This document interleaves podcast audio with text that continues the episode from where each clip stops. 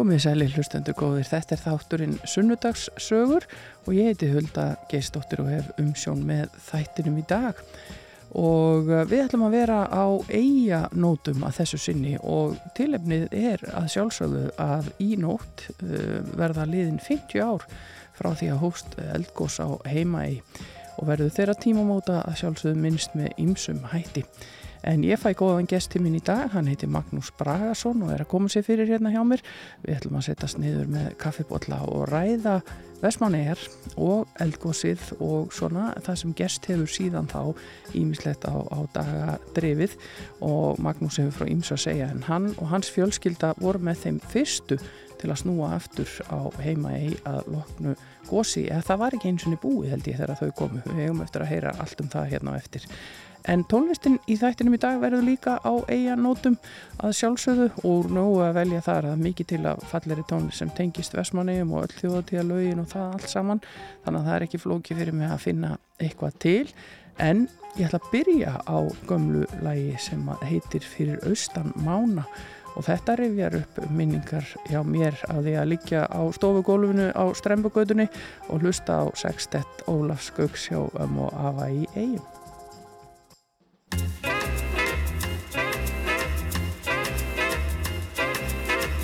Er vetrar nóttin hjúpar haugu Í húmsins stökka töfra líf Og báran smá í hálfum hljóðu Við hamra þylur bæðin sín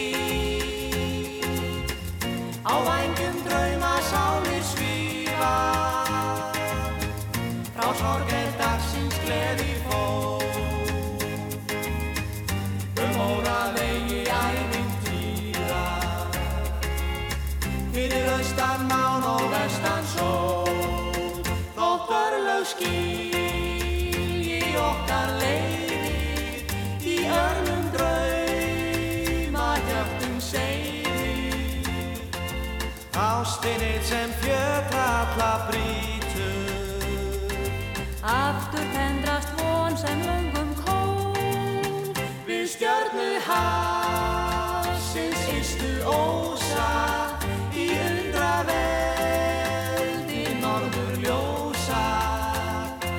Glöð við njótum eilíks ástarindis Fyrir austan mán og vestan sól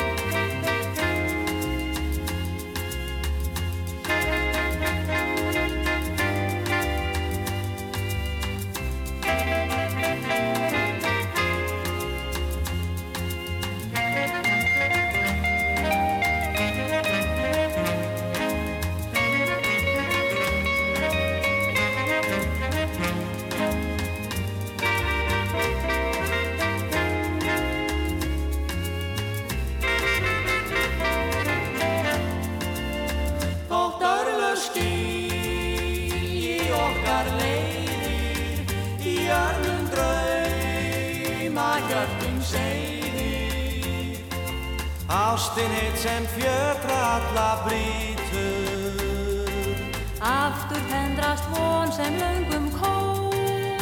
Við stjörnu hafsins istu ósa. Í undra veldi norður ljósa. Glöð við njótum eilífs ástarindis Fyrir austan mán og vestan sól Fyrir austan mán og vestan sól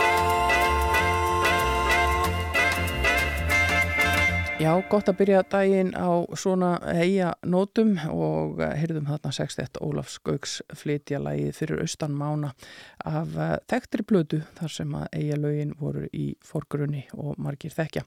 En eins og ég nefndi að þá gestuminn í dag í sunnundagsögum, hann heitir Magnús Bragason og er eiga maður í húð og hár. Velkomin. Takk fyrir. Við höfum um margt að tala en, en eins og ég nefndi hér áðan að í yngangum að, að þá er kannski svona tilefni til Vestmanneja spjalls er auðvitað þessi miklu tímamót sem eru í nótt, þar að segja aðfara nótt 23. janúar þegar að eldgós hóst á heima í. Þú varst þarna bara lítill strákur og, og uh, upplýður þetta allt á eigin skinni. Uh, manstu mikið eftir þessu? Já, mér finnst það, kannski er einhverja falsmenningar í því, en ég man eftir því við áttum heima þá í blokkinni, Já, það var bara einn Já. svoleiðis í eigum þá, það bara blokkin. blokkin og við áttum heima á þriðju hæð og það vestast, þannig að við vorum eins heppinu við gáttu verið. Já, gagnvart þeir gosinu. eru eins langt frá því eiginlega eins og hægt var. Já, þá var byggðin þannig að við vorum alveg vestasta byggðin Já, og hérna pappi vakti mig um nóttina og hérna fór, við fórum út í glugga inn í stofu og ég var ekkert velveður að vakina upp klukkan hálf tvö á nóttina og, og hérna að því að gósið er svo nýlega eftir að 13. gleðin og, eld, og hérna nýjásfagnar eru búin að vera. Mhm, að þegar ég horf út á gluggan og sé það sem ég sá þá held ég þetta að vera bara framald af því. Já. og ég sagði pappa ég er búin að sjá þetta allt áður. Það, ég get alveg haldið áfram að svo Þannig að þú helst að væri bara önnur brenna og það væri verið að rífa þau upp til að horfa á hann út úr glukkan. nákvæmlega, það var bara sprengingar og, og brenna. Já, en hérna þau voru eðlilega alltaf svona brugðið mhm, og vissu ekkert hvað við ættum að gera en það var ákveðið að fara til ömmu og afa sem áttu heima nálagt mhm. þangað sapnaðist fjölskyldan um nóttina og, og, og við vorum komin að byrja 50 manns þar inn til afa já, já. og afi var svo ánæður að fá allar þessa gesti að hann fór upp á háaloft og sótti tvo bjórkassa og bara fannst bara gaman að fá allar í. Já, en hérna fljótlega kom ljós hvað þetta var alvarlegt já.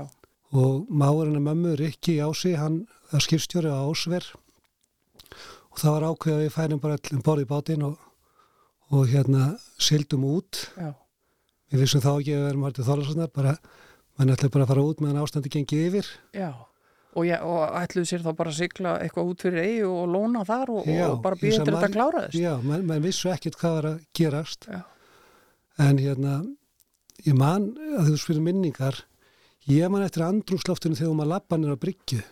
Já, mannhafið sem var að strendi niður til og svo stemning sem ríkti þar það var allir svo rólegir já, það er svo magnað að hugsa til þess þegar við sem ekki upplöðum þetta, uh, við höfum auðvitað lesið um þetta séð uh, heimildamindir í sjónvarpi og annað þess að það virðist það að vera ríkt alveg ótrúlegt aðeiruleysi.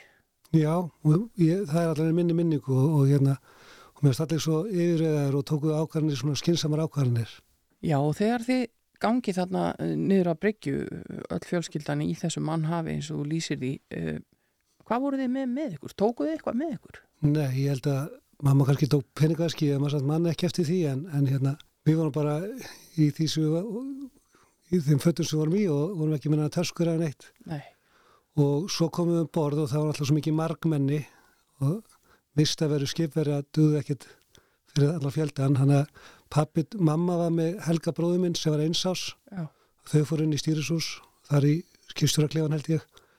En pappi fór með mig aftur á aftur hann laði mig í nótina aftur í kassa sökallum já, og hérna ég man eftir því að pappi sagði eldur svo bara í nótina.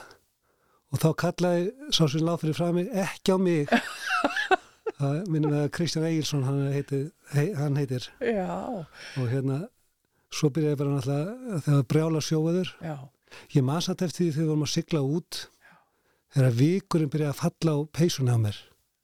Og þetta var svo skrítið, þetta var svo létt var svo léttur, hann sveif svona eins og snjókott já, og festi svona á mann. Mann þetta þeirri tilfinningu líka. Já. Þetta er sérstætt að vera sjö ára strákur og bara allt í einu komin í, í þessa hamfara upplifun.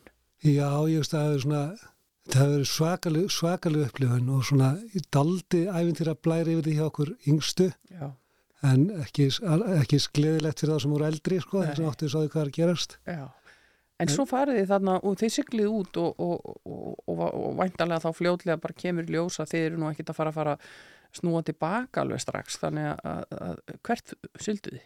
Við sildum til Þólasarnar, ég held að siglingin að tekja ykkur 5-6 tíma brjála sjóður, þetta var hérna söðvestanátt Já, það voru allir bádanir heima, var það ekki af því að veðri var búið að vera Jú, slæmt? það var hérna nóttina undan það var, var söðvestanátt hvassviðri, hefði gósið komið deginu fyrr Já, þá hefði þetta farið verð því að þá hefði öskufalli verið í bæinn.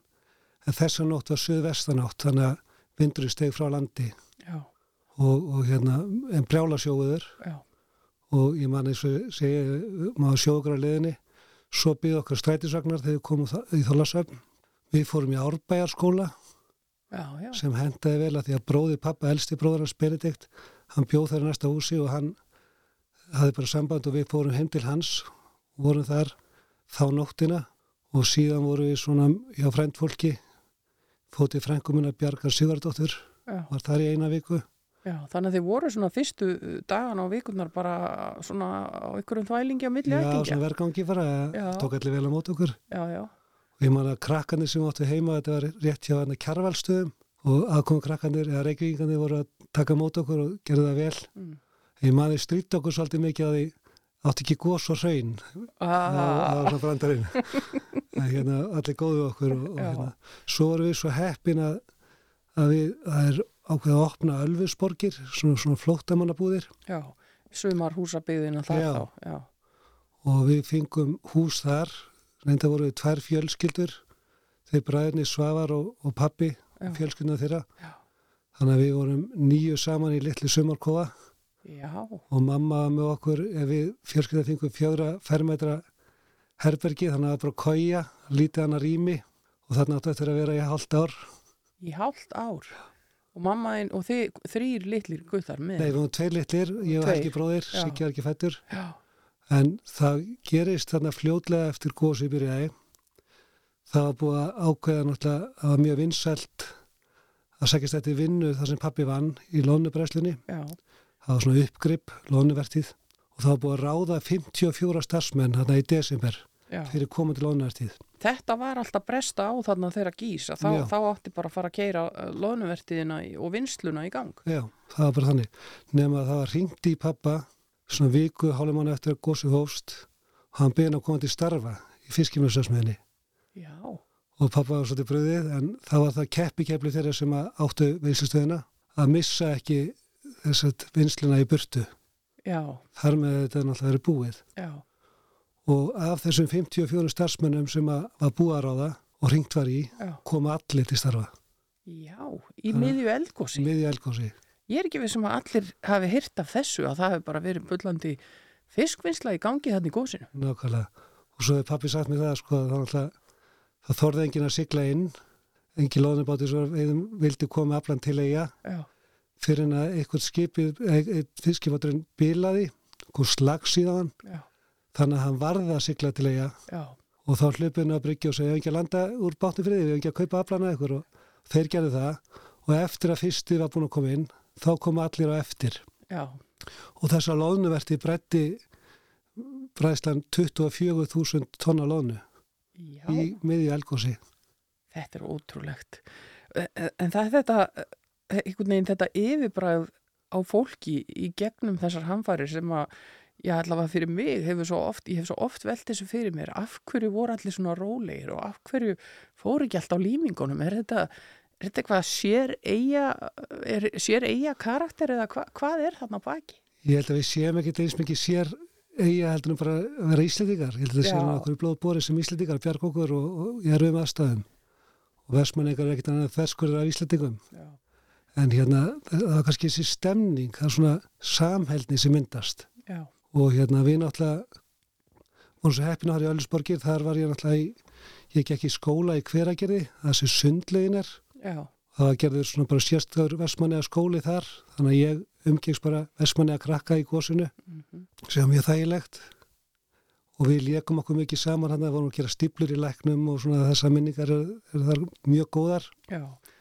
En, en hérna mamma fer til Vestmanni í mars heimsækja pappa og eina helgi og hérna svo kemur hann upp aftur í, í lok mæ það fara hann aftur leiði til að fara til Vestmanni já, 28. mæ og þá fara hann leiði til að taka okkur bræðina með já, þið fóru ekki með henni þannig í mars. nei, það var það var, það var gósi á fullu sko. Já, já. Og, og hún lísti þannig að þegar hún fór þá það var rosalega mikil mengun Já, brennisteins. brennistinsvíla og, og hérna og það var bara hræðild ástand Mm. Það var miklu skara þegar fyrir við mæ það var gósi svona nánast búið það komur ekki eldtungu lengur Já, en við fáum helgar leifi helgar passa 20. maí.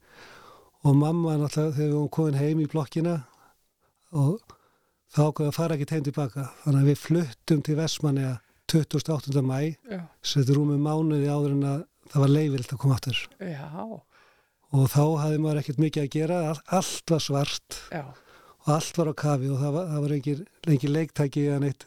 Ég manist því að maður fekk að sita í vörubílunum hjá vörubílstjórunum, eða deginu kannski þannig að vera með þeim já, og verin í Gúano hjá pappa, það var bortennisbord þar og svo var Pálmi Lórens, Pálmi Lór, sem okkur ekki ventum í Vestmanni, nýlega dáinn. Hann var svona veitingamæður heima já, og hann sá um mötuneytið og mamma vann hjá honum í, eftir að við komum heim. Mm.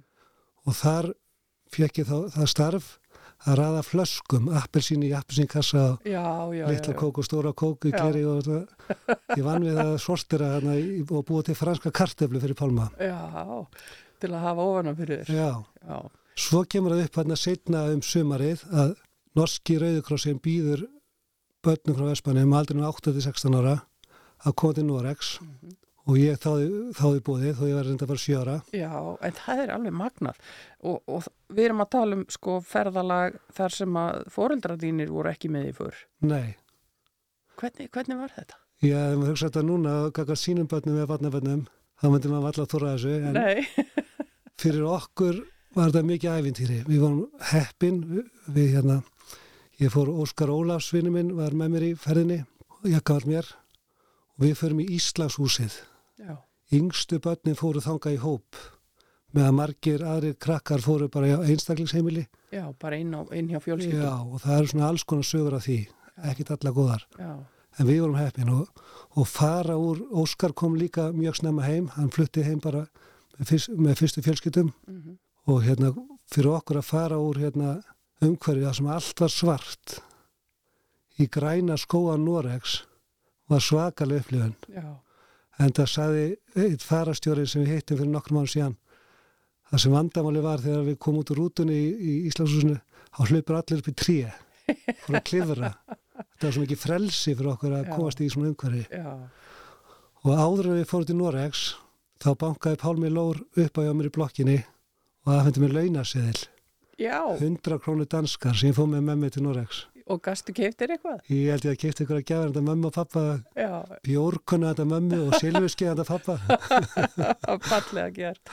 En, en hvað voru þið lengi þannig í Nóri? Hvernig var skipulagið á þessu? Við vorum í halva mánuð Já, við vorum svo heppin að, að hérna, e, það var Vestmanneja kona, Þórun Óskarsdóttir sem bjó í Nóri hún var svona far, yfir farastjóri já, og tók á mót okkur. Ég kannast það að svina því að sýstrina hafi búið í blokkinni þar sem ég átti heima, Lísa Mhm. og hérna þannig að við vorum alveg í góðum höndum og opur okkur leiði vel og, og hérna við ætlum ekki verið 40 krakkar saman eitthvað slis og með líka norska farastjóra Já. og við vorum í leikjum, indjánaleikjum og þannig að þetta er bara svo verið vatnaskói já, fyrir okkur. já.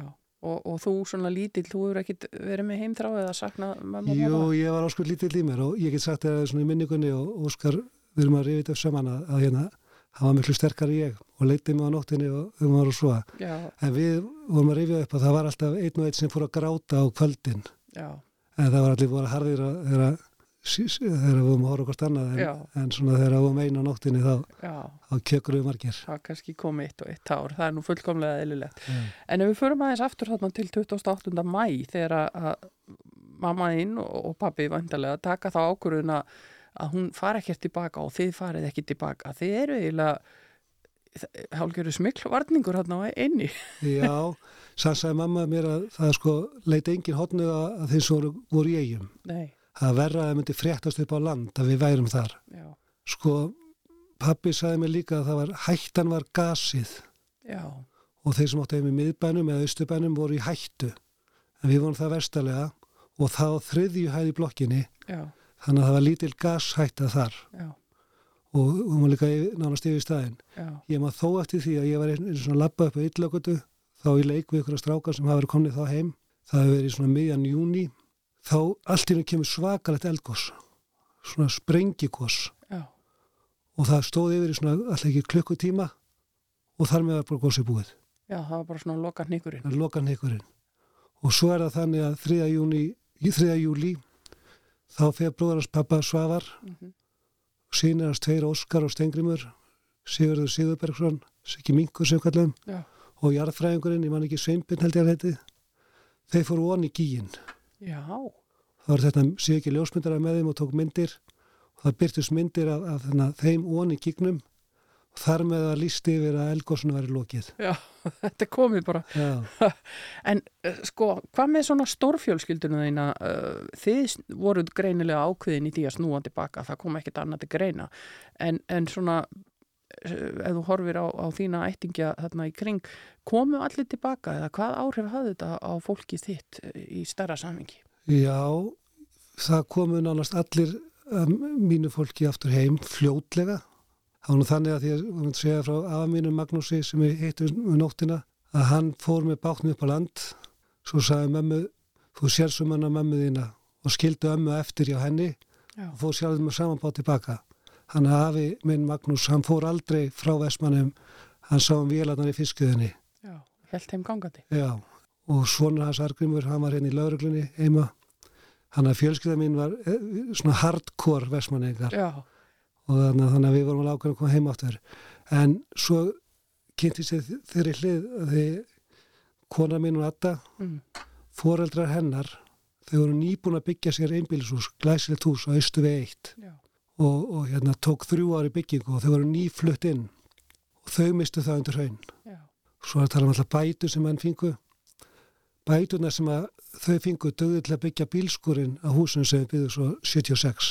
já, Þannig að það var ekki allir að græða á gósinu þeim bætu, bótum sem þau fingu. nei, En hérna, það, það, þegar þeim var sko, hún fríða, tengdama mín, hún, hún var ekkit, vildi ekkit koma heim aftur. Hún misti húsi sitt, já. hún misti svæði sitt, þannig að það var ekkit heim að sækja. Já, að því þegar þú segir svæði, það er náttúrulega fyrir þau sem ekki þekkja til, það fór náttúrulega bara stór hluti einar undir hraun og, og kannski bara leiksvæði og, og tún og, og vinnusvæði fólks voru horfin. Akkurat. Og fyrir við kallum kirkjubæingar, það var fólki sem átti heima þar í, í bæjónu sem fór fyrst undir hrein. Mm Það fólk misti náttúrulega bara heima það sína algjörlega. Já, Og það var maður sem ég tóti kirkjubæ, hann snýri reynda heima aftur og hann var að spyrja hvernig gastu koma heima aftur. já, Þá svo ég lagði bara spilin á borðið, kirkjubæri voru bestir, þetta var næst best. þetta, er, þetta er magnað en, en uh, ég veit svo sem ekki hvort þú ert með þær upplýsingar að reynu en, en ég velti fyrir mér tölfræðinni, er, er, hefur eitthvað tilfinningu fyrir því hversu margt fólk snýri ekki tilbaka? Eitthvað tíman heyrði ég að 5200 manns sem áttu heim í eigum, að 2000 hafa ekki komið heim En við fengum 1000 nýja íbúa. Þannig að við fórum upp í það að vera 4000 fljótlega og hérna það var alltaf sárt að missa þetta fólk og maður er fulla skilning á því að það fólk snýr ekki aftur heim já, því að það var búin að missa allt sitt já. og koma sér fyrir. Við komum okkur ekki fyrir. Við fórum bara í sömarhús í Ölsborgum Já. að því við ætlum bara aftur heim. já, En margir keiftu sér eignir og hérna í höfborginu og þurftu ekki að fara það aftur tilbaka. já, settust bara þar að voru kannski búin að vera þar lengi. En þið komuð þarna áður en gósinu líkur tilbaka og, og eruð í blokkinni og já, kannski mest í blokkinni og, og gúanónu stutt að fara þar á milli. Já, haldið ykkur svolítið á þessu svæði vestan megin á inni Um, þegar að gósi líkur og, og fólki er leift að koma tilbaka ég meina bærin var á kafi. Já. Hvernig brást fólk við og bara hvernig streymdi það tilbaka eða, eða Sko, mamma- þetta áfall? mamma hefði sagt mér það að að ég, ég man mér eftir því að því við áttum heima svona á þriðu hæð horfðum yfir allan bæinn. Þá eru játplötur fyrir öllum það er allt svart og þegar að fóra að dimma með haustinu svona í september þá, þá fóruð áttu til glukka á kvöldin og svo sáuðu alltaf kvikna eitt og eitt ljós svona nýtt ljós á hverju kvöldi Já. og þá fóruð að spáði hver er komin heim. Og þá kemur svona stemning þarna í september oktober ég maður eftir í skólanum þegar ég byrjaði í skólanum í september þá var bara eitt bekku fyrir alla. Já meira. breytist það í eldri og yngri já, og svo er það eitt bekkur í hverjum árgangi. Þetta gerði svolítið hratt þannig á haustinu eða byrjun vetrar 73-4 já, og pappi var mikill fótboltaþjálfari og hann hófa æfingar í september í barnaskólanum. Já, þannig að lífið var allt sett í gang. Já, og hérna og ég sagði á það með bræðslan stoppa aldrei og fiskvisla fór í gang. Þannig að maður mað keir, mað keirði bara á þetta. Já, en svo það sem kannski að góða sem kom út úr góðsunu en maður getur sagt það, kakvart í fólki sem mist allt sitt þá fengum við betri höfn. Mhm, við fengum nýtt íþróttahús og sundlaug ellheimili og, og, og, og barna, barnaheimili. Mm, þannig að mörguleiti fórum við fram úr öðrum sambarlegum samfélagum eins og kakvart íþróttum. Já. Og það hefur náttúrulega verið e- eitt einkenni Vestmanni að síðan er náttúrulega gríðarlega öflugt íþróttalíf. einmitt. Og maður fór að spáði sko að þessi erfileikar ég rætti þetta eins og ellið af vignis hann er nú sálfræðingur.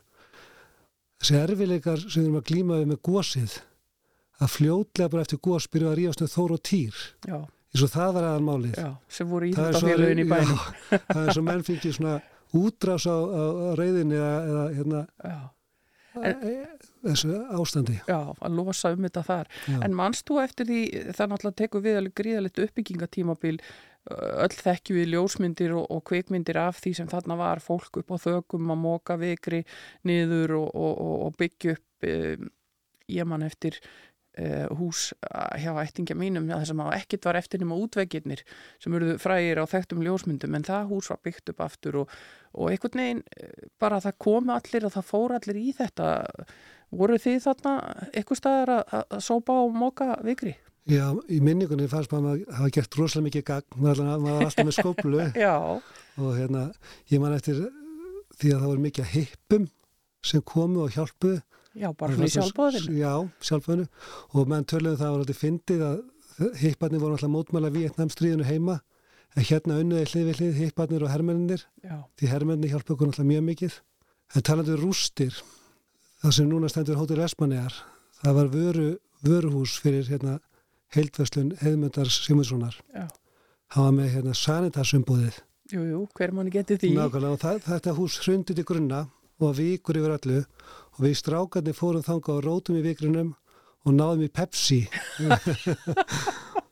Þannig að það var ímislegt skemmtilegt í gangi líka. Já, og þetta vorum við mikið bara að leika okkur og, og hérna fórum fljótlega að fara bara hraun og leika okkur þar í algjörlega nýju umhverfi og Já, finna nýja staði og nýju leindamál já, ég man eftir ég, ég las eh, hérna viðtal eh, við fóreldraðina þar sem að ímislegt af þessu rifjað upp.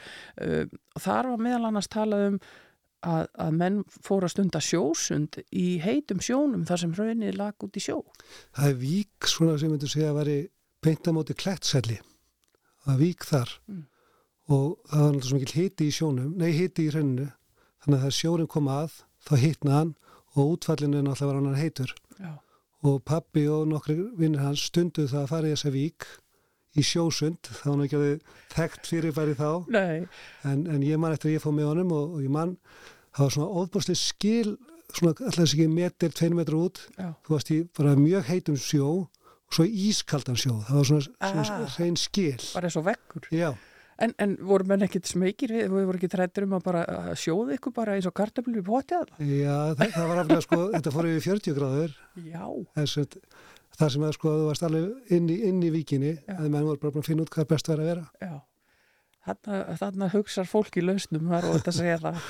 En, en sko það sem að ég hef oft velt fyrir mér uh, verandi tengd Vestmannegjum og eiga ættingja þar er vestmanningur. Já, og vera vestmanningur uh, en hafa ekki upplifað gósi sjálf. Uh, það er þetta einhvern veginn aðruleysi og litla umtal finnst mér oft í gegnum tíðina. Það bara fyrir og eftir gós en var fólk einhvern veginn að byrja bara niðri erfiðar tilfinningar eftir þetta eða, eða bara fannst fólki, ég ætla ekki að segja að fólki hef ekki fundist þetta neitt mál en heldur að það veri að því það varð ekki mikið mannfall eða annars ætla bara líkt. harriðat nálgunni það er, menn byrguðu það inni. Já, og það kom svolítið í ljós 25 árum eftir að elgósið var þá fengum við safnið, eldheimar safnið og hérna það var heldur górsloka hátíð já, þá fórum menn að ræða gósið hvernig kom ég út úr því? Já. hvernig fannst mér Noregsferðin hvernig fannst mér að missa húsitt það var bara, það kreftund nefin Já, áfram gakk. Svo þegar fólk var að rifið upp þá var þetta miklu erfið en fólk leta að vera. Já, Þannig að fyrir marga, eins og ég segja enn og aftur, ég og mín fjölskylda fór vel út úr sig að slapp vel. Það, það var ekki þannig með alla. nei, Þannig að fyrir marga var þetta náttúrulega rosalega lífsinsla. En heldur að ennþá í dag, 50 árum síðar, sé þetta svolítið óuppgerð reynsla heimamanna? Já, ég, það má alveg segja það.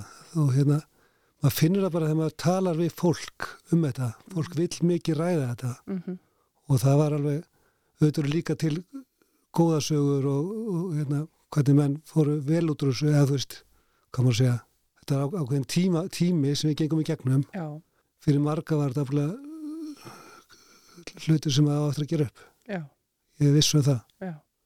Og, og, og, og vissulega auðvitað eins og segir tími sem hann kannski margir öðluðs bara nýtt hlutverk. Þarna fóru, uh, fór fólk í björgunarstörf. Það, það gekk í lauruglu og björgunarsveitir og hitt og þetta til að taka þátt í að, bjarga heimabænum sínum. Nákvæmlega. Og hreinsurastarfið var náttúrulega óðbóðslegt. Já, Bærin er náttúrulega bara á kafi í vikri, tve, tvo upp í átta metra. Já. Allur bærin. Já. Fjöllin alls saman. Og þetta var hreinsa. Ég, mann eftir því að fór eins og upp á fjall, það hefði svona verið þarna 25 árum eftir þetta og horfið í reyjuna, þá svona í fyrsta skiptið á en græn og falli eins og var fyrir já, Ég hugsaði tekið þann tíma að verða að ná öllum sárunum af sér. já, fara, fara aftur á, á þann stað. Já. En manstu eitthvað eftir því sem strákur eða jafnvel sem fullorinn maður að vera hrættur um að þetta myndi gerast aftur? Já, ég hef alveg hugsað það. Ég, alltaf, ég flutt í Austurbæin og nú er ég heima alveg í hraun í aðarinn. Já, En er maður ekki allstaðar í ykkur, ykkur hættu? Ég meina, ég, ég sé auðveldra fyrir okkur kannski sem bú, höfum alltaf búið við þetta, kannski erfira fyrir þá sem alltaf flytja heim. En ég meina, það er alls konar hættur í sveitafélögum og, og, og hérna, þannig ég, ég sef alveg fyrir því, já, en ég hugsa alveg um það. já, Og ég held að það sé nú bara líka hyggju sem ég að bara vera varkár en já. Já, við búum auðvitað eldfjalla eigi og við sjáum, sáum það nú bara fyrir síðast fyrir einhverju mánuðum síðan að, að hér getur enn gósið nákvæmlega, í nálaðu byggð. já. Ég held að sé- við- Það er, búið, það er nú búið að laga alla skinnjara, það voru sættið skinnjara, tíu skinnjarar í Vestmannum Mhm. og ég veit hann bara því að ég átti hótelið að það gisti á mér menn sem voru að stilla skinnjarana og, og það er allt í toppstandi þannig að við munum alltaf vita Já, ef eitthvað er að, eitthvað er að. eitthvað er að rærast í grílupótanum hann undir. Sko menn fingur alltaf viðvörun 73, það voru jarðskjáltar þannig að deginum áður, Já, menn veittu að geta aðtegli, tengdu ekki við þetta. nei. Og það var þá ekki svona óðbóslega langar hrinur eins og til dæmis aðdraðanda skjáltana við Grindavík. Nei, það er ekki til við það. Nei. Þetta er, þetta er magnað, mögnuð upprýfun. Við skulum uh, fá eins og eitt lag og um, það er eitt af þessum klassísku eigalögum líka. Við ætlum að heyra kvöldsiklunguna hans Gísla Helgasonar við texta Jón Sigurssonar og það er Ólaður Þórarinsson eða Lappi sem flytur og við höldum svo áfram að spjalla saman við Magnús Bragason um Vestmannegar og kannski tæpum þá íþróttalífinu og Pele sem að þú hitti nú einu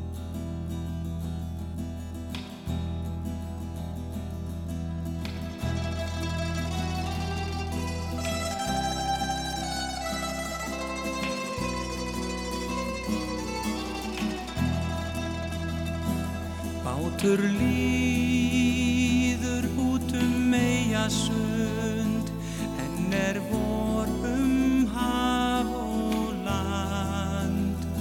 Syngur blærin einnum aftanstund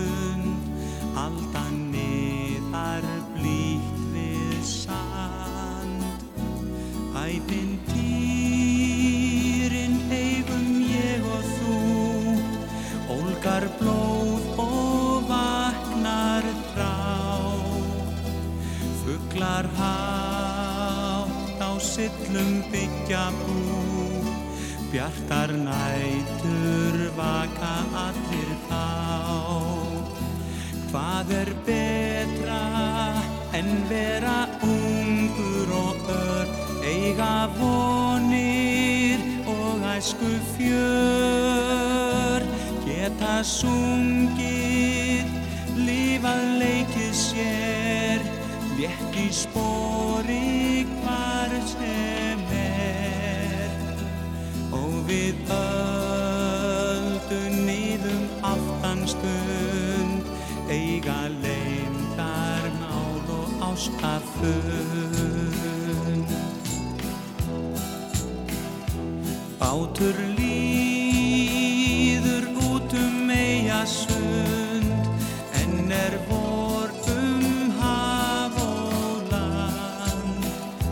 syngur blærin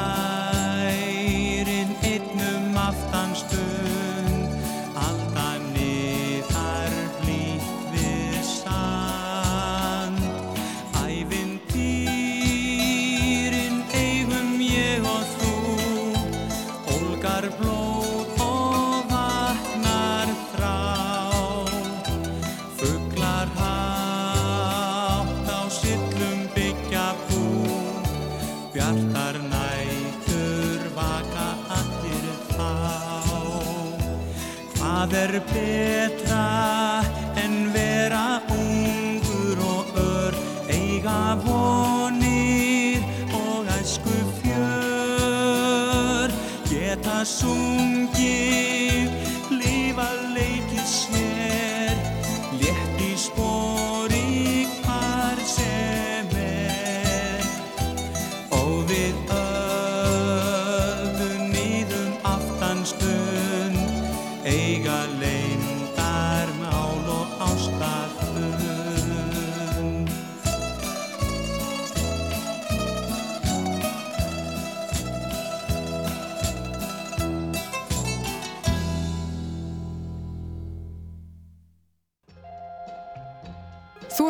hlusta á Sunnudagssögur.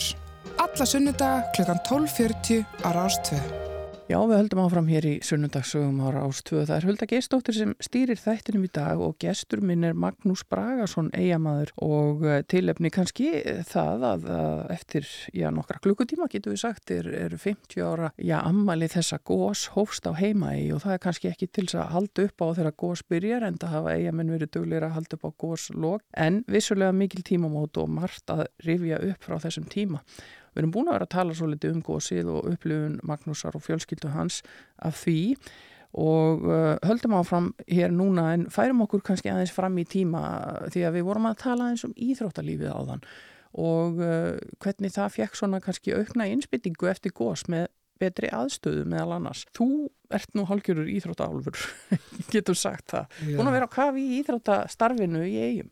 Ég fekk það bara í vöggugjöf. Já, Pappi var mikill íþróttamæður, mikill knaspunumæður og leik með IBF í mistralokki, fókbólta og var byggamestri með þeim 68 já, já, og svo faraði þeir í Európa-kettnina 69 til Búlgaríu. Og þessi hópur, þetta lið sem var eiginlega allt heimamenn og þeir heldur svolítið saman. Og þeir voru unnu mikið saman í gúanóinu sem komum inn á þann já, og voru svona fyrstu íbúarnir í blokkinni, þessi kjarni.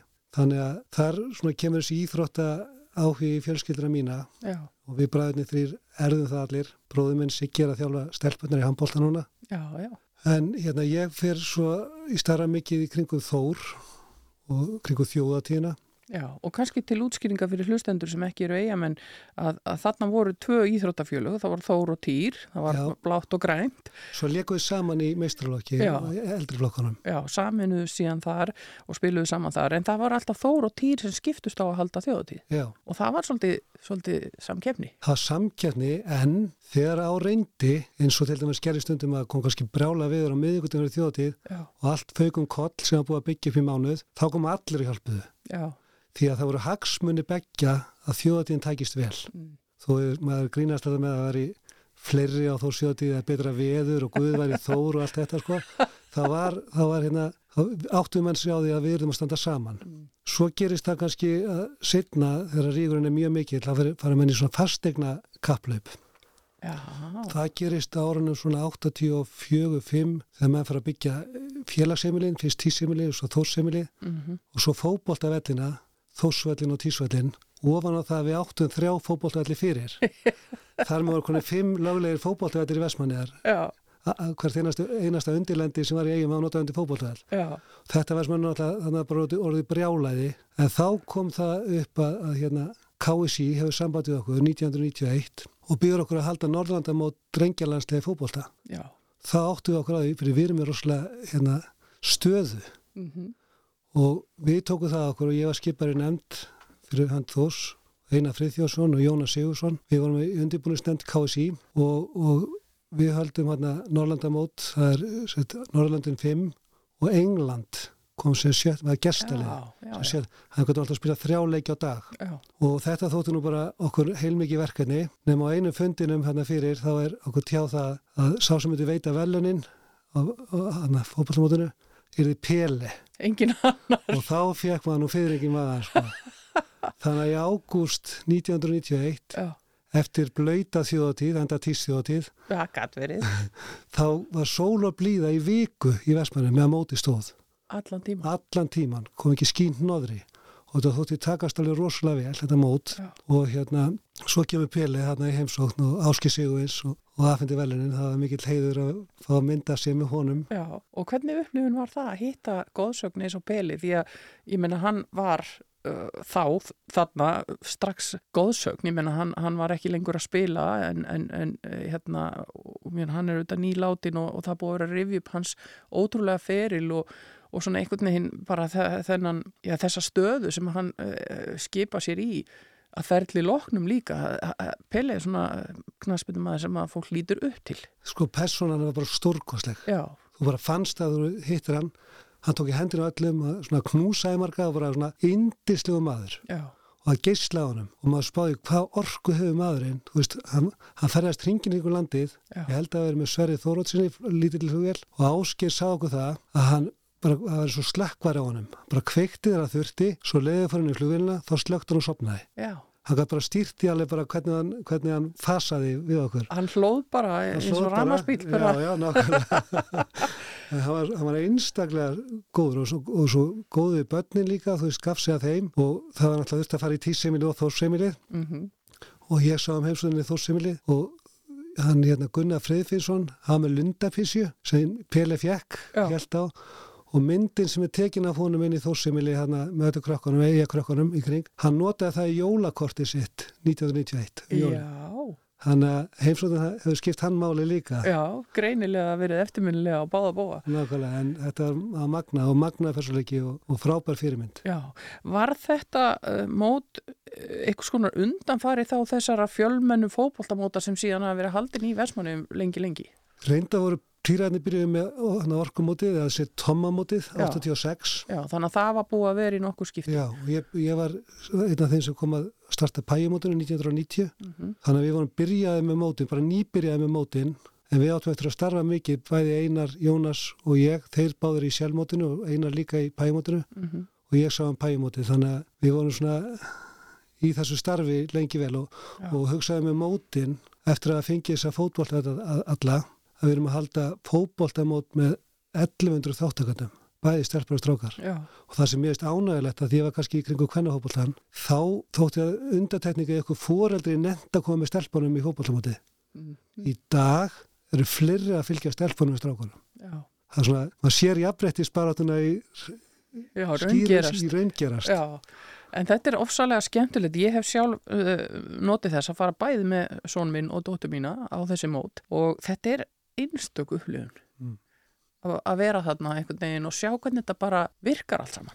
Já, og þá, þá, er, þá er ég monta með einu hölda að því að setna fór ég svo starri kringu hlaupin og við erum með hérna, Vestmannar hlaupið í september og svo The Pub fyrir hann hlaupið í mæ Mm -hmm. það skilur enginn í því hvernig við getum fengið 150 manns til að standa brautavörslu í þrjá fjóra klukkutíma á þess að borga fyrir það. Já, Þarna komið þessu kannski eiga karakter, það er allir tilbúin að hjálpa þegar eitthvað svona er í gangi. já. Og það hefur maður séð auðvitað á þessum fótboltamótum í gegnum tíðina. Það er að væri engin leið að gera þetta nema fólk hérna tæki þátt. Nei, og saman með séu þjóðatíðina og umtalaðan 13. Já, einmitt, einmitt. Þeir eru svolítið svona, svona stemmingsfólk. Þetta eru stórar hátíðir sem eiga sér mjög langa sögu. Já, við, það er sko, með mig ekki halda það að allir vestmanningar sem er sömu skoðun og allir eins. Nei. Það er hver höndin upp á mót annar í eigum, það er það að reynu. En við stöndum saman þegar á reynir. Já, það, það, er, það er þannig þegar, þarf og, og þar kannski vísast í e, þessa reynslu frá, frá e, eldgósinu þegar allir urða að standa saman og, og standa sína plikt. En uh, talandi um hlaupin, þú, uh, þú varst lengi við handbóltan. Já, ég fór í handbóltráð 1996-7, svona bara þess að starfa þá.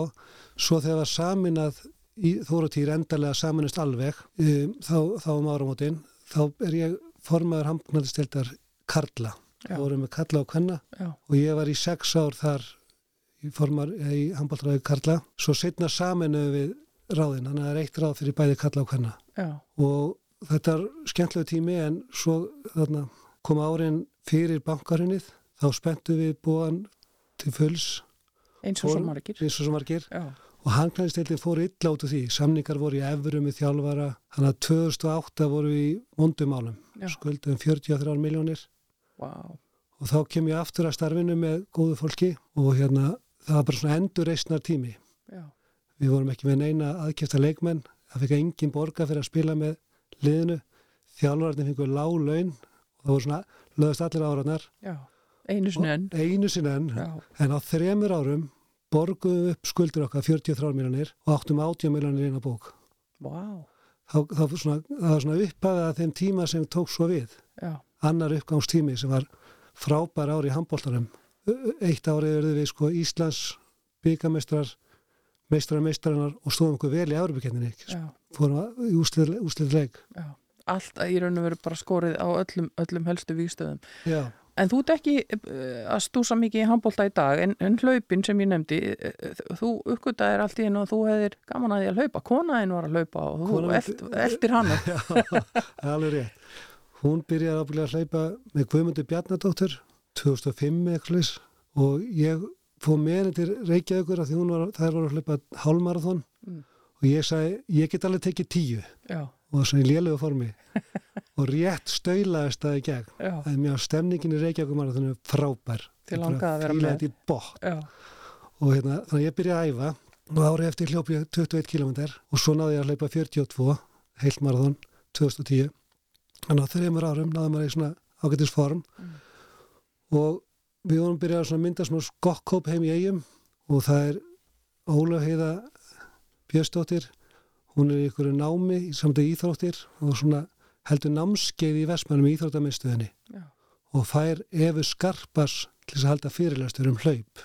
Og þá var ég komið svona hugmynd um að halda hlaup í Vestmannum og fæ Efu til að hlaupa með mér svona smá ring já, og ég er svona að afsaka mig og segi svona alltaf svo allt svo ömulegt hérna í eigum og við erum svo ömulega leið. Og hún horfir svona grimdar augum á mig. Maggi, þetta er frábært þetta hættu svo í minnum átt að gera já, og, og þú veist, það er eitthvað sérstæða bara að vera með brekkurnar og vera öðru í sig já, Þannig að við höldum hlaupi 2011 í september. Og það eru tefnilega 300 mann sem taka þátt. Og bóðslega gaman. Mm. og við höfum haldið því á hverju ári. En nú hlaupum við bara 5 og 10 kilometra já, því að við byrjum með The 2018 og það er svona lengra hlaup, það er 20 kilometrar já, og það er að vori.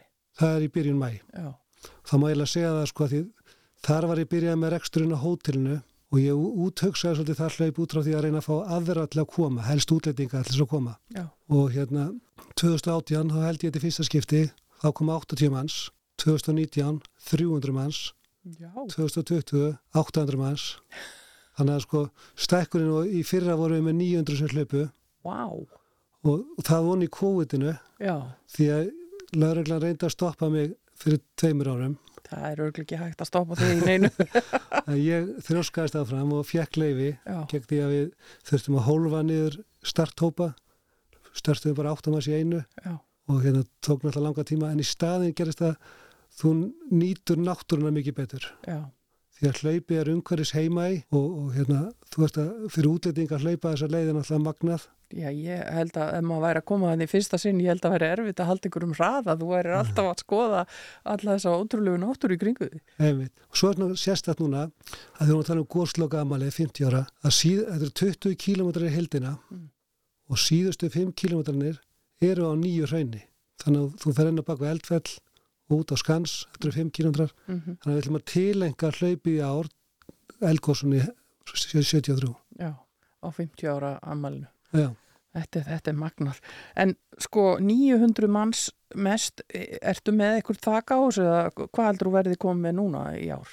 sko við settum tak, takmarkið að vera með þúsum manns í ár og það verður bara, það, það fá að gera fleiri. Já, við sögum þetta svona meiri gríni heldur en alveg en nú þegar eru búin að skrá sig yfir 700 manns. Það er januar. og það er januar Já, sem er helmingi meira en á sama tíma í fyrra. Og við erum skráningu á netskráning.is þannig að fólk getur séð allar upplýsingar um hlaupið þar, Já, þú verður búin að fylla þetta eh, fyrir mánudag held ég. En, en uh, að því tíminn líður nú svo hratt og, og við erum nú búin að ná að fara við margt en, en margt sem að vera hægt að tala um í viðbót. Mér langar að aðeins að, að ræða ferðamennskuna við því að því að þú, þú ert nýlega búin að selja hótelvesmanniðar eftir að hafa rekið það í, í áratug eða svo. Uh, þú búin að vera svona leiðandi í, í, í ferðarþjónustu í vesmanniðum og, og þekkir það allt inn og út. Hvernig kom það til að þú fóst úr, þú varst í allt öðrum bransa þegar þú færir þig yfir í þetta? Sko ég kaupi dekkjaugstæða pappa minn um 2006, tek Erlend lán eins og margir. Mm. Og ég var alveg ofbúslega reyður í bankarunnu þegar lánið mér þrefalduðust. Og ég svona, í reyði minni ákvæði að hérna, næst ætla ég taka þátt að fullu þunga þegar að kemur upp sem aftur. Ég ætlaði bara að vera með. Já, Sá það bara strikaða skuldinar út til það sem að, sem að fór illa og Mm. við látum borga sem gáttum borgað. já, Þannig að sko, þannig var ég, þannig var ég þengjandi. En svo er ég að lappa heim kom ég hjá Viktori Rakara, skuldaði honum klippinguna og fór aðra leið heim og vinnunni af vannur og ég stend fyrir saman hótið Þórsamar og horfi svona á það að hugsa það lítið að frétta í ferðamösku eigum, samt er landirafnin, hún opnaði árin áður, mhm, erum við að gera nú sjálf? Erum við bara, er, er ná mikið kraftur í okkur? Veist, þeir sem voru í ferðamösku voru þreytt, það voru erfitt mhm, og þegar ég lít niður aftur þá stendur Gísli Valur Einarsson fyrir frá mig og segir bara beint viltu ekki bara kaupa hótelið, og það er ekki hverla að mér hann hefur bara greinlega að sé hvað ég var að hugsa. Já, hann býður mér í kaffi og við setjumst inn í honum og, og hérna, ég kem heim til mín segju öllu Þetta, ég var ekki að kaupa hótelið? Svona í gríni. Svona í gríni, já, hún, hún náttúrulega hundlega að vera kennari og hún segir bara já. Já, til í það, þannig byrjaði boltin að rúla og, og að gera langar svo stutta þá varum við búin að kaupa hótelið áramótin 2011-12 byrjaði 1. januar já, og ég kunni ekkert. Ég kunni ekkert í ennsku en ég kunni bara að vera vestmanni eins og við erum búin að tala sann í klukkutíma núna. Já, og ég gat alltaf svara öllu spurningum sem gestunum sem komu. Já, og frasanir tungumáli maður var alltaf að segja sömu sögurnar þannig að maður svona lærið málið aðeins. Fikka er þetta upp, þannig að ég, ég fílaði alveg í botna að starfa þetta. Og ég elska, ég elska náttúrulega vestmanni eða eins og þú. Og, og ég elska að segja frá, segja sögurnar og, og hérna, þannig að við, við fórum vel út af þessu og, og, og hérna stækkum hótelum helming fljótlega. Og þannig að það eru 80 rúm þar núna. Og, og hérna það sem gerist í leiðinni að einsi kaldi opnar já, slipurinn opnar, gott opnar tangin opnar, ripsafari verður til. Mhm, við erum svona ný kynnslóð sem kemur inn á sama tíma 2012 já, allir þessi flottu veitingastæðir og ímiskonar afþreying, og við höfum vit á því fljótlega að standa saman. Mm. og við byggum til ferðamálasandag Vestmanja sem eru mjög virk í dag og við barðumst saman um það að láta fólki koma til Vestmanja síðan færum við að býtast um það hvað það myndi borða og hvað það myndi gista. Já, en þetta er búið að takast mjög vel. Já, og því heyrði það núna bara í gær að far, farþegafjöldi með herjóli á síðast ári var tefnilega 500.000 manns, það er hálf miljón, hálf miljón úr 80.000 sem var 2009 þannig að það er eitthvað sem að hefur tekist vel, Það er bjart framöndan og ég, ég trúi svo að fara þjónustuna á Íslandi. Við erum ekki að gera það nógu vel. Það keppur þetta um að tala um að, að hækka skatta á ferðarþjónustuna en við erum að stórgraðani og við erum að hlúa að henni.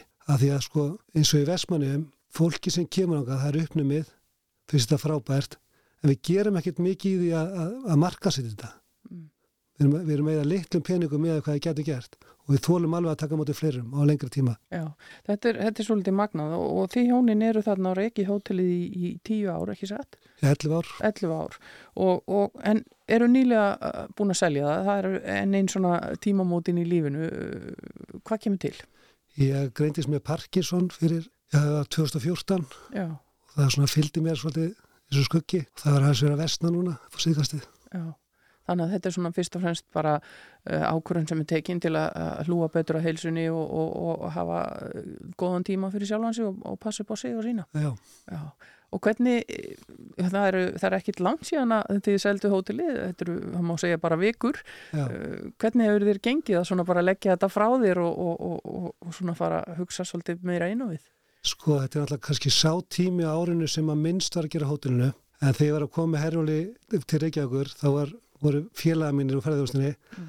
að fara á mannamót sem svona, var uppafið af nýju ári. Mm Þá hittast ferðarskristur og, og ég var ekki að fara með. Nei, Það var svolítið skrítið já, og og ég finna að ég áttur að sakna þess að starfa fyrir Vestmannegar en þetta er, alltaf, þetta, er, þetta er mikil vinna að rekka hótel, þú ert aldrei í fríi Mm.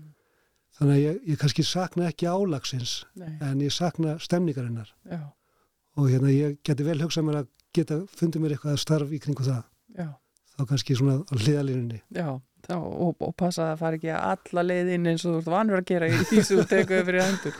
En, en uh, talandi um heilsuna, nú auðvitað getur maður ekki sett sér sjálfur í spór fólk sem að greinist með uh, erfiða sjúkdóma. Uh, hvernig hefur þið- þér gengið að- að takast á við þessa greiningu og, og, og svona uh, hugsa til framtíðarinnar? Sko, þegar ég greinist í nógubæð 2014, það var ekki tími til þess að hugsa um það. Ég var að klára að byggja hótelið, ég eitt þessu til hliðar. Já, Ég líka hugsaði, ég er ránglega greindur. Ég er bara undir álægi og líka mann að bregðast við því. Ég, ég kemst yfir þetta. Svo komu góðu tímar og ég bara versnaði. já, Og þá fer ég á Reykjalund 2016 og er þar í hópi með fimm öðrum parkjónsúklingum og svipust á ég. Og það er besta reynsla sem ég hef fengið. Þegar kynntist ég indislegu fólki mm og við höfum haldið saman hópin að því maður finnst ekki gott að ræða þetta eins og þú finnur mm, en finnst gott að ræða við þau já, jafningja sem að þekkja Já. þessa reynslu og, og upplifa hana. En það eru miklar, miklar breytingar og vendingar í læknisfræði þegar kemur að Parkinson og, og svona ímis jákvæð teikna lofti þar. Ertu, ertu bjarsýtn á, á uh, svona betri úrræði fyrir ykkur sem glíma við þetta? Já, og það, ég set hausin alltaf þangað þegar ég byrjaði að dabur Já, og það sem kannski eitt líka sem er mjög gott er reyfing og, og hérna, hún er bara besta lifið og það er, það er sannað. já, Það er alltaf verið að sína fram á það reyfing er bara besta lifið Parkinson já. Og hérna þannig að þar, þar, þar er ég á heimavelli. Já, því leiðist ekki að reyfa því, þannig að það er ég trúi því að sko læknaðisnir flegir áfram og ég ætla að lifa það að komst út úr þessu. Já, já, það er gott að heyra. Kanski eru þetta, þetta góð svona loka orð hjá okkur, Maggi, það er búið að tíminum flóið frá okkur, það er búið svo margt skemmtilegt um að tala. Þú eh, ert hvergi farinn frá eigum, það er þitt heimili og þú hefur bara einu sinni brúðið þér að bæ til að fara til Reykjavíkur í skóla en, en annars ertu bara, þannig ertu á þinni, já, þínum stað. Já, ég átti frábær ári Reykjavík 83 til 86 og það kynntist frábærum á, á vinir þar, sem ég kynntist, Mm ég lærði kjötiðnað, ég er kjötiðnaðmestari og hérna, ég hef ekki viljað missa þau ár og Nei. ég held að sé öllum holdt að fara eins að heiman, að þeim aldri, svona 17 til 20 ára, Já, þannig að ég býja því. já. En uh, það, er, það sem er svona kannski helst á dofin, döfinni hjá þeir er auðvitað þá stóra lundahlaupið, The Puff and Run í, í mæ, sem verður öruglórið fullt í uh, svona fljótlega eftir að spjalli nokkar líkur held ég og, og, og, og svo bara svona að, að hlúa sjálfið og, og, og þinni fjölskyldu og kannski rétt að, minna fólk á að því við erum nú búin að vera að tala líka um ferðarþjónustuna, það er nú tilturlega einfalt að taka góða bara dagsferð til Vestmanni. Nákvæmlega. Og, og hérna, það er bara svo stuttilega, þetta er bara rúmur hálftími. Já.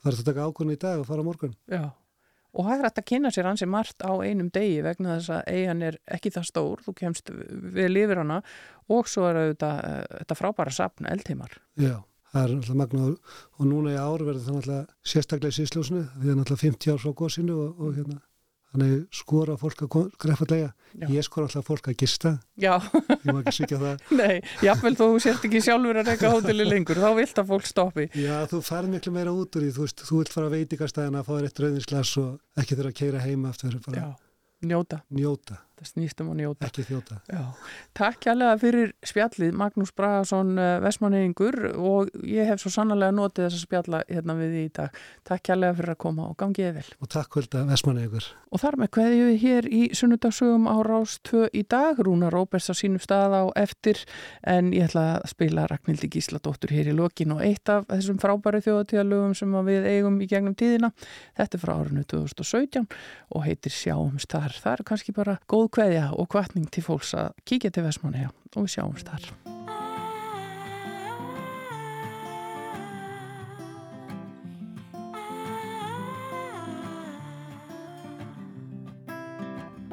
Þú veist að eigin geymir ótal svör og yfir fleiri spurningar Sögu hennar þekja ófá ör sem ætti munu kvíla þar. Hún sorgir á sem engir sjá. Ótiljandi leindarmá